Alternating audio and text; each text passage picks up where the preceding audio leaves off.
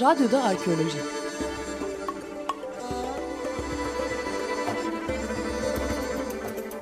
Bir arkeoloji programı.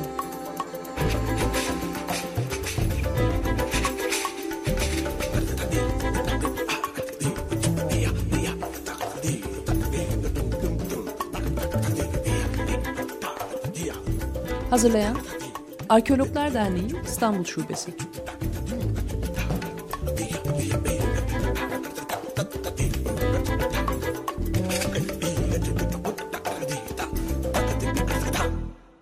Merhaba sayın dinleyiciler. Ee, ben Müjde Peker, İstanbul Üniversitesi Edebiyat Fakültesi Klasik Arkeoloji Anabilim Dalı öğretim üyesi ve Arkeologlar Derneği üyesiyim.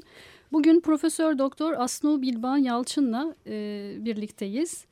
Kendisi Bizans sanatı tarihçisi, e, İstanbul Üniversitesi Edebiyat Fakültesi Sanat Tarihi Bölümü Bizans Sanatı Anabilim Dalı Başkanı ve e, Yoros Kalesi Kazısı Başkanı. Kendisiyle bugün Yoros e, Kalesi Kazısı üzerine e, konuşacağız. E, Yoros Kalesi kazısı İstanbul için önemli bir e, çalışma, arkeolojik kazı. İstanbul'un Ortaçağ arkeolojisiyle ilgili bir ilk çalışma.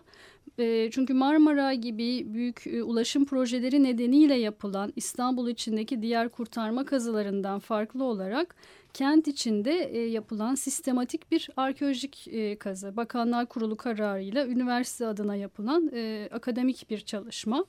2010 yılından beri e, Aslı Hanım e, bu kazıyı sürdürmekte. E, kazıya başlama nedeniniz nedir Aslı Hanım? Bize biraz e, anlatır mısınız? Teşekkür ederim. Davetiniz ve e, benden e, bilgi almak istemeniz tabii ki çok mutlu etti. E, şimdi Yoros Kalesi biliyorsunuz e, Boğaz'da, Beykoz'da, Anadolu Kavağı'nda e, yer alan muhteşem görüntüsüyle e, İstanbul'un tek ortaçağ kalesi. Bunun dışında kalemiz yok biliyorsunuz. Geç Orta Çağ'da Rumeli Hisarı ilk Türk Osmanlı Kalesi ama evet. bundan önceki tek kale Yoros Kalesi. Dolayısıyla e, ayrı da bir öneme ve bir yere sahip tabii ki. Biz 2005 yılından itibaren İstanbul Üniversitesi adına ve tabii ki Kültür ve Turizm Bakanlığı'nın izniyle bir e, yüzey araştırması başladık, başlattık daha doğrusu. Ve bu araştırmada Boğaz'ın, Boğaz içinin ki bu biliyorsunuz İstanbul'un antik dönemlerden itibaren en önemli su yolu. Aa, önemli bir arter. Evet. Ee, bunun e, eski dönemlerdeki antik ve orta çağdaki tarihçesini, arkeolojisini, topografyasını e, araştırmak amacıyla e, bu çalışmayı başlattık ve e, nedense çok ilginçtir e, gözümüzün önünde olan bir yeri şimdiye kadar hiçbir araştırmacı e, böylesine derinlemesine düşünmemiş.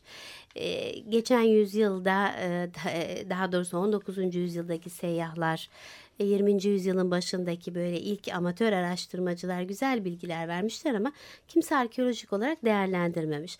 Ama bizim de şöyle bir dezavantajımız var. Büyük bir e, yapılanma e, sırasında hmm. böyle bir çalışmaya giriştik. Artık son kalanları da belgelemek amacıyla başlattık. Şimdi biz bu çalışma sırasında çok e, değerli bilgilere de vardık.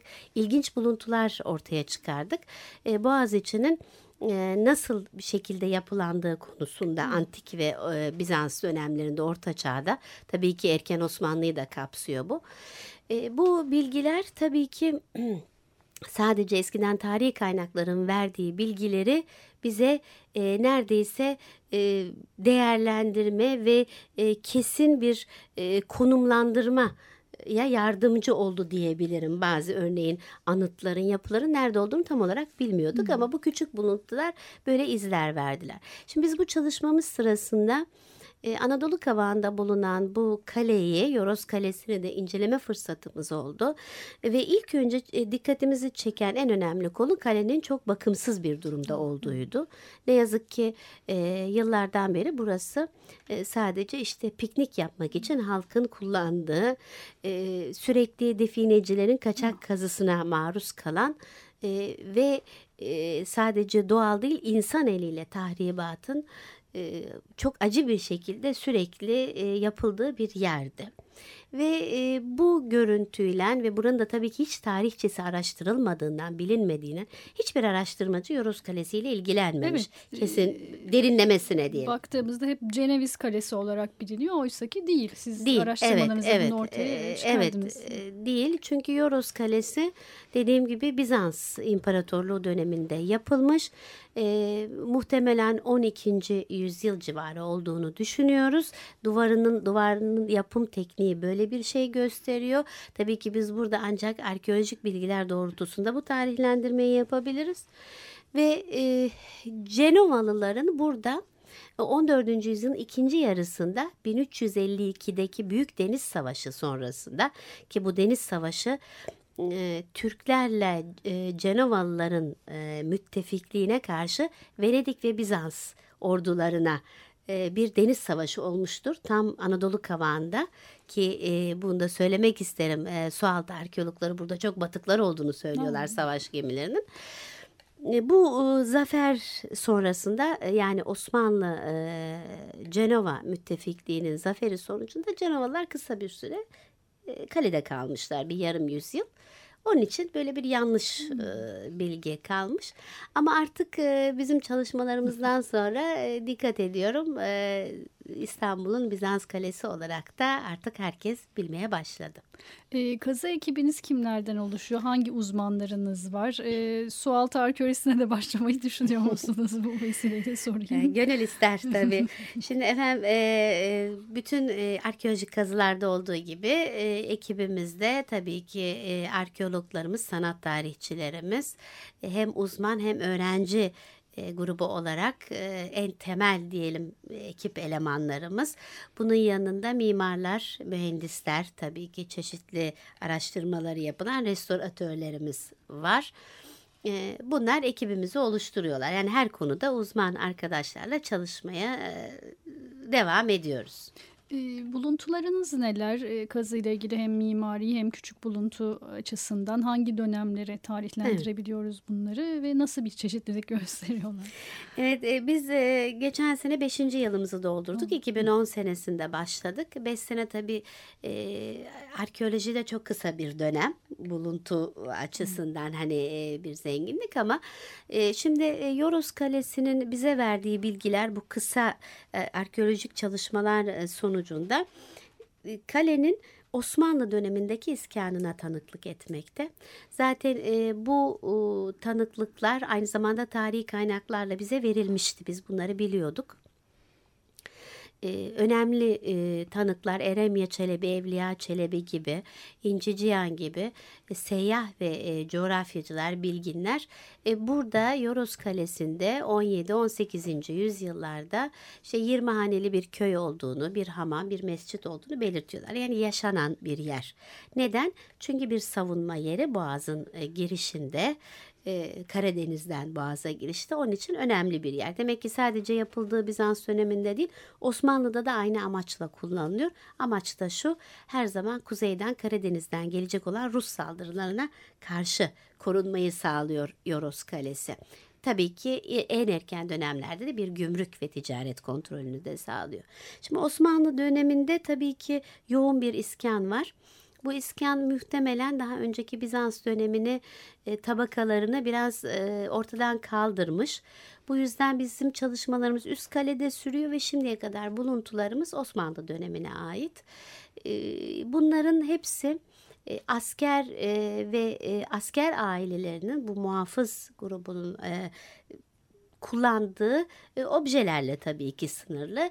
Mimari olarak da yapı kalıntıları, temelleri burada işte bir e, avlular, küçük avlular etrafında taş döşemeli yollarla setler üzerinde çünkü arazi eğimli setler üzerinde yapılardan oluşan e, bir iç kale e, görüntüsünü yapılanmasını vermekte.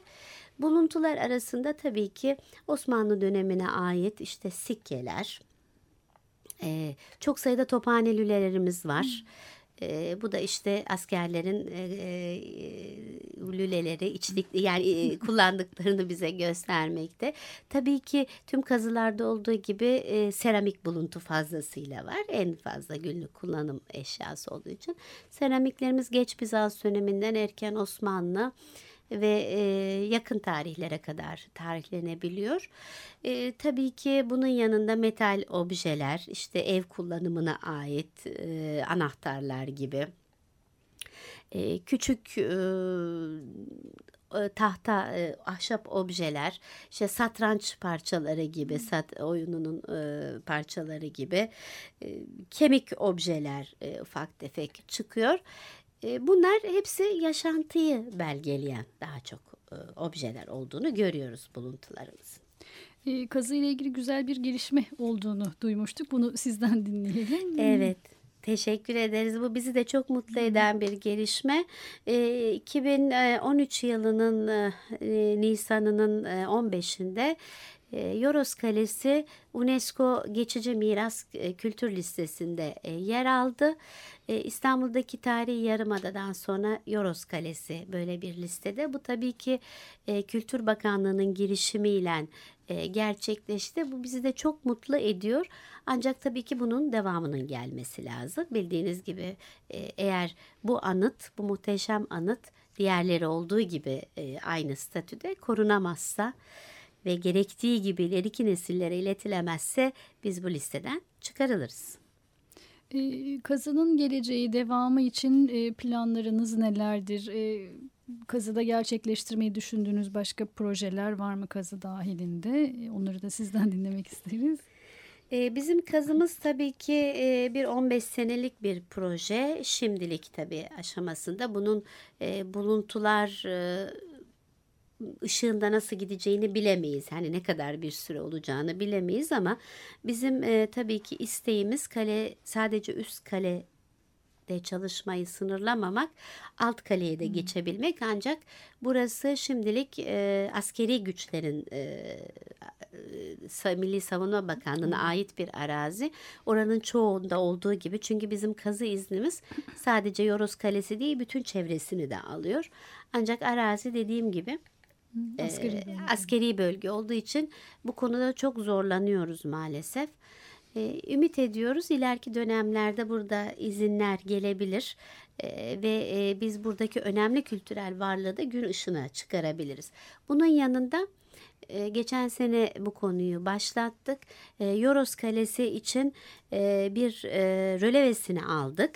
E, 3D, 3 boyutlu bir lazer e, tarama cihazıyla en son modern cihazla ilk defa üst kalenin bir planını çıkardık ve rölevesini en son teknikle yaptık bunu e, ve bir restorasyon projesi, örnek restorasyon projesi ki e, yerli ve yabancı uzmanların denetiminde e, yapıldı, birlikte yapıldı ve çok da beğenildi bu. E, yurt dışında da bunları çok sunduk yani çok sıklıkla çok ilgi çeken bunu da söylemek istiyorum. Kazımız e, çok ilgi görüyor.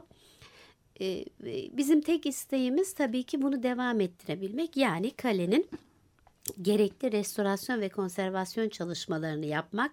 Biz projeleri yaparız. Bunun için gönüllüyüz ama bize destek lazım. E, ne tür e, desteklere ihtiyacınız var ve tabii İstanbul içinde kazı yapmanın zorlukları e, hepimiz için malum ama sizin belki özel e, bazı sorunlarınız da mevcut böyle bir yerde.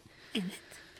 Evet, e, tabii ki Türkiye'deki zengin kültür varlıklarını ortaya çıkaran çok sayıda kazılarımız var. Önemli, güzel, hepsi çok değerli kazılarımız var ama İstanbul'da kazı yapmak ki e, dediğiniz gibi bir akademik kazı yapmak çok zor ve e, çok farklı. Yani Anadolu'da kazı yapmak gibi değil Kati Suret. Çok bir büyük bir bürokrasi var e, süreçler e, çok zor çalışıyor.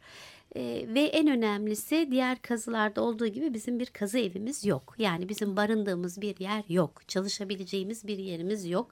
Ve biz çok zorluklar altında bir okulda, Beykoz'un bir okulunda kendilerine de çok teşekkür ediyoruz. Bizi hep misafir ediyorlar.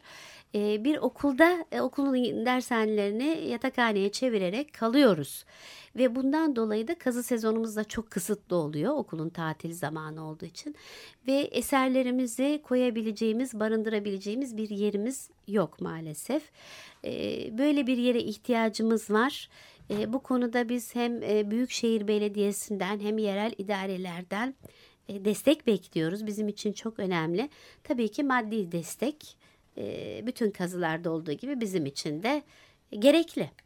Beklentimiz bu. Oldukça da ziyaretçi aldığınızı duyduk hem yerli e, hem yabancı. Peki ilgi nasıl? Yani geldiklerinde bu çevreye kaleyi de gezebiliyorlar mı? Nasıl ulaşabiliriz en önemlisi? Buraya ulaşım nasıl sağlanabilir? E, Yoros Kalesi e, bulunduğu konum itibariyle çok güzel bir yerde biliyorsunuz. Boğaz'a hakim bir yerde. E, ve bulunduğu yerden hem Karadeniz'i görüyorsunuz hem Boğaz'ın e, bayağı bir e, güneye doğru gidişini rahatlıkla seyredebiliyorsunuz. Yani yer çok güzel, manzara çok güzel. Kale tabii çok güzel. Ziyaretçimiz fazlasıyla var. Yaz kış yoğun bir ziyaretçisi var Yoros Kalesi'nin. Ee, biz e, 800-900 günde ziyaretçiyi hesap ettik yaz sezonunda. E, ve biz kazı süresince kapatmıyoruz. Ziyarete açık. E, tur, yerli yabancı turistlerin ziyareti bizi çok da mutlu ediyor. E, tabii ki güvenlik şartlarını sağlayaraktan e, geliyorlar. Biz kendilerine bilgi de veriyoruz. E, bu e, çok ilgi gösterdiklerini gördük. Yoğun bir ziyaretçi akımı var. Nasıl ulaşıyorlar? Bu ziyaretçilerin e, kullandıkları en büyük araç Boğaz hatlarının vapuru. Eminönü'nden kalkan ve bütün Boğaz'ın iskelelerine uğrayan vapurun son durağı Anadolu Kava. Burada 3 saate yakın bir süre var. Onun için hem yerli yabancı turistler yukarıya kaleye yürüyebiliyorlar. Burada manzarayı seyrediyorlar, kaleyi görüyorlar, bizleri görüyorlar kazı yaparken eğer oradaysak. Daha sonra da tekrar aynı gemiyle dönebiliyorlar. Yazın bu vapurlar 3'e çıkıyor. Dolayısıyla çok yoğun bir turist e, seri geliyor böyle Yoros Kalesi'ne. E, biz tabii kaleyi sürekli bakımlı tutuyoruz. Çöplerini dahi biz temizliyoruz. E, bu bizi çok yoruyor. Biraz bilimsel işlerden de uzaklaştırıyor. O yüzden destek, destek, destek istediğimiz bu tabii ki. Umarız e, duyulur ve e, destek çıkanlar, duyarlı insanlar olurlar. E, vapurla ulaşımın mümkün olduğundan bahsettiniz. Hatta şehir hatları vapur tarifesine bir açıklama koymuş sanırım. evet e, çok mutlu oldum. E, birkaç sene önce gördüm şehir hatlarının broşürlerinde Boğaz hattında e, işte en son yerin e, yerli ve yabancı turistlere gösterirken Yoros Kalesi işte çok güzel bir Doğu Roma İmparatorluğu'nun kalesi diye. Yani artık Ceneviz Kalesi denmiyor. Şehir hatlarına da teşekkür ederim. Yani bu hassasiyetinden dolayı demek ki bizi takip ediyorlarmış. E, ziyaretçileriniz arasında e, okullar da var sanırım ya da çocuk esirgeme kurumundan da yani e, sosyal sorumluluk etkinlikleri kapsamında e, bu tür ziyaretlerde yapılıyor kazıya. Tabii ki biz çok memnuniyetle onları davet ediyoruz. Hani belki İstanbul'da oluşumuz böyle bir avantaj da sağlayabilir. Genç arkadaşlarımız e, geldikleri zaman arkeoloji bilimini hmm. onlara göstermeye çalışıyoruz. Bir günlüğüne bizimle birlikte çalışıyorlar. Özellikle kazı döneminde e, tabii ki bu yaz döneminde oluyor. E, bizi kazıya davet ettiğiniz için teşekkür ederiz. Biz de özellikle kazıya geldiğimizde sizden ve müsait olduklarında kazı ekibinden de kale hakkında, kalenin tarihçesi hakkında bilgi edinmeyi çok isteriz.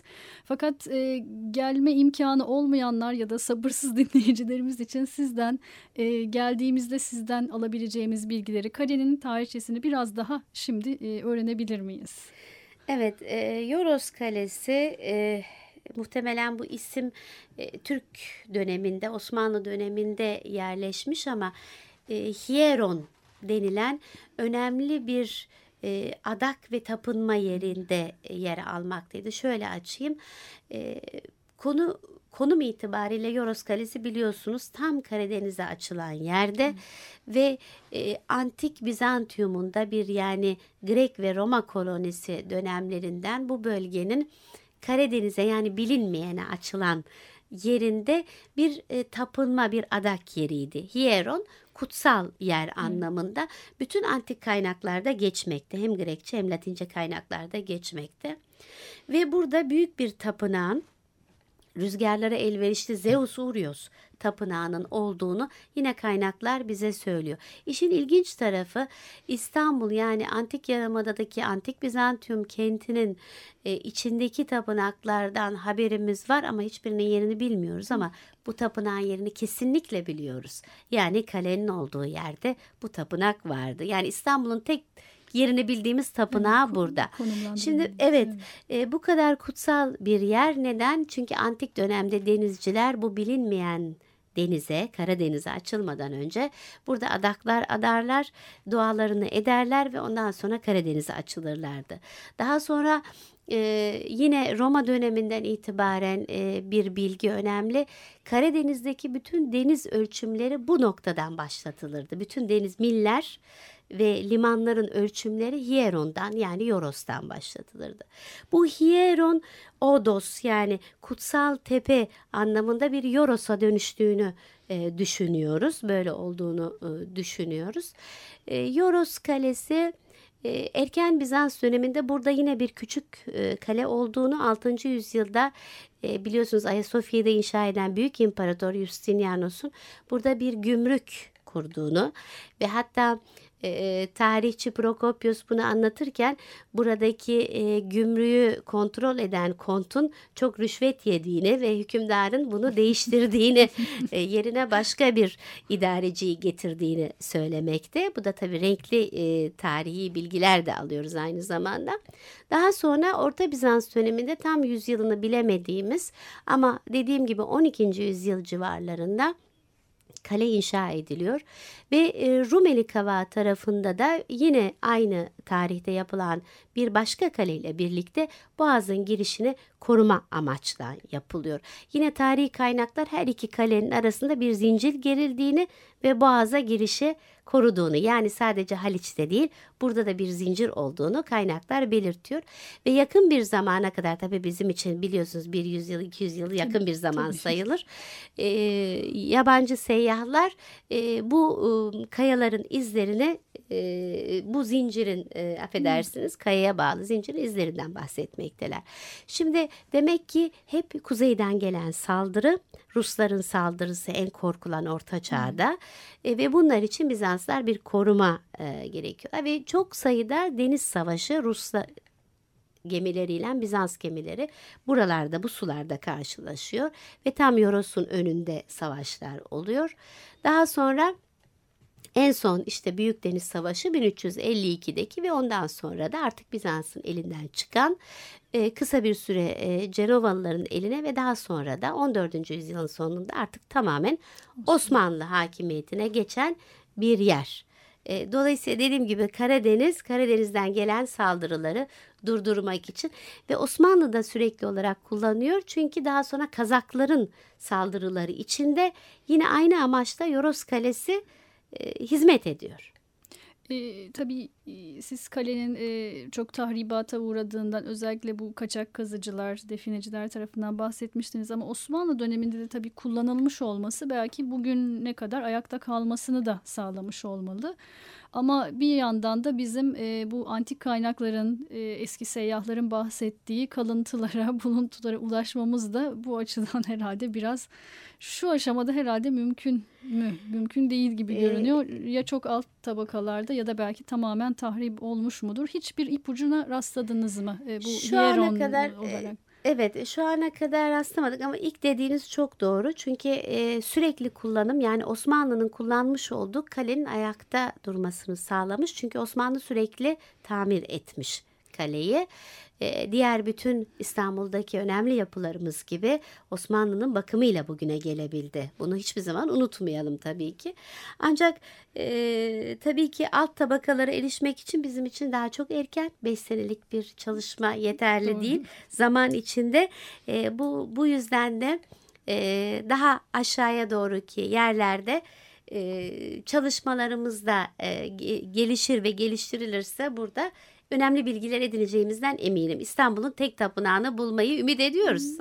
Biz de e, heyecanla ve sabırsızlıkla bekliyoruz kazılarınızın devamını e, ve e, daha İstanbul'un tarihi açısından e, bizi aydınlatacak buluntulara, e, kalıntılara ulaşmanızı.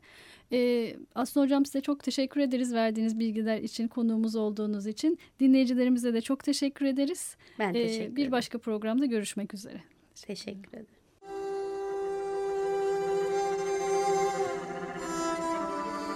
Radyoda Arkeoloji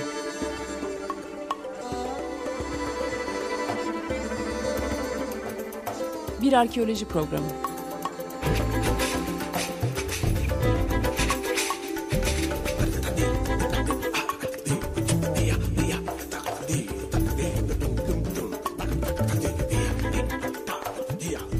Hazırlayan Arkeologlar Derneği İstanbul Şubesi.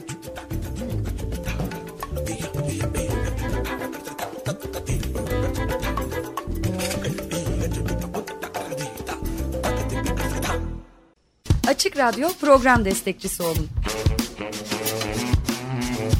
Bir veya daha fazla programa destek olmak için 212 alan koduyla 343 41 41